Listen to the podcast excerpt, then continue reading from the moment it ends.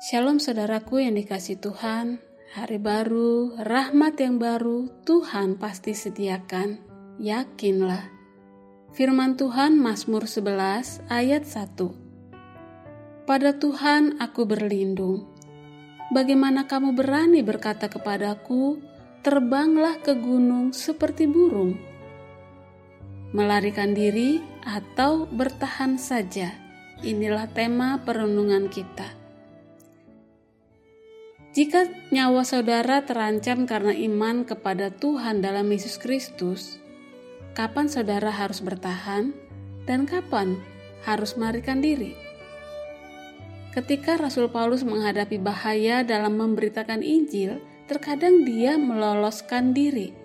Dalam kisah para rasul 17, dikisahkan ketika Paulus memberitakan Injil bahwa Yesus adalah Mesias, banyak orang menjadi percaya.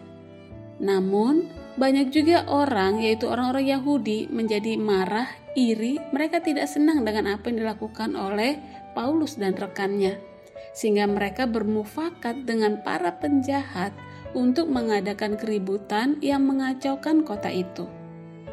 Mereka berusaha menangkap Paulus dan di ayat 10 tetapi pada malam itu juga segera saudara-saudara di situ menyuruh Paulus dan Silas berangkat ke Berea. Paulus memutuskan melarikan diri dari ancaman. Tapi ada kalanya Paulus pun memilih untuk tetap tinggal dan menanggung penderitaan.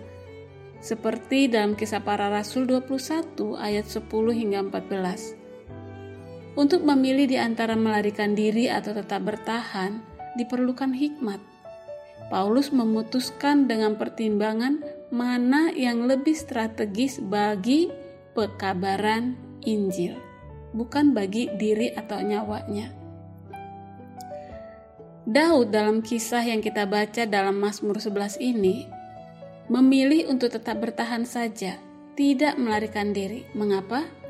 Karena dia melihat sebagai kesempatan untuk mengungkapkan kepercayaannya pada kuasa dan perlindungan Tuhan Mazmur ini diawali dengan perkataan Daud yang menolak nasihat untuk melarikan diri dari musuh dan bersembunyi karena situasi yang sangat terjepit dan tidak ada apa pun yang dapat dilakukan oleh Daud. Memang dalam peristiwa ini, misal ketika ia dikejar-kejar dikejar-kejar Saul untuk dibunuh, Daud memilih melarikan diri atau ketika ia menghadapi Absalom anaknya, dia pun memilih melarikan diri.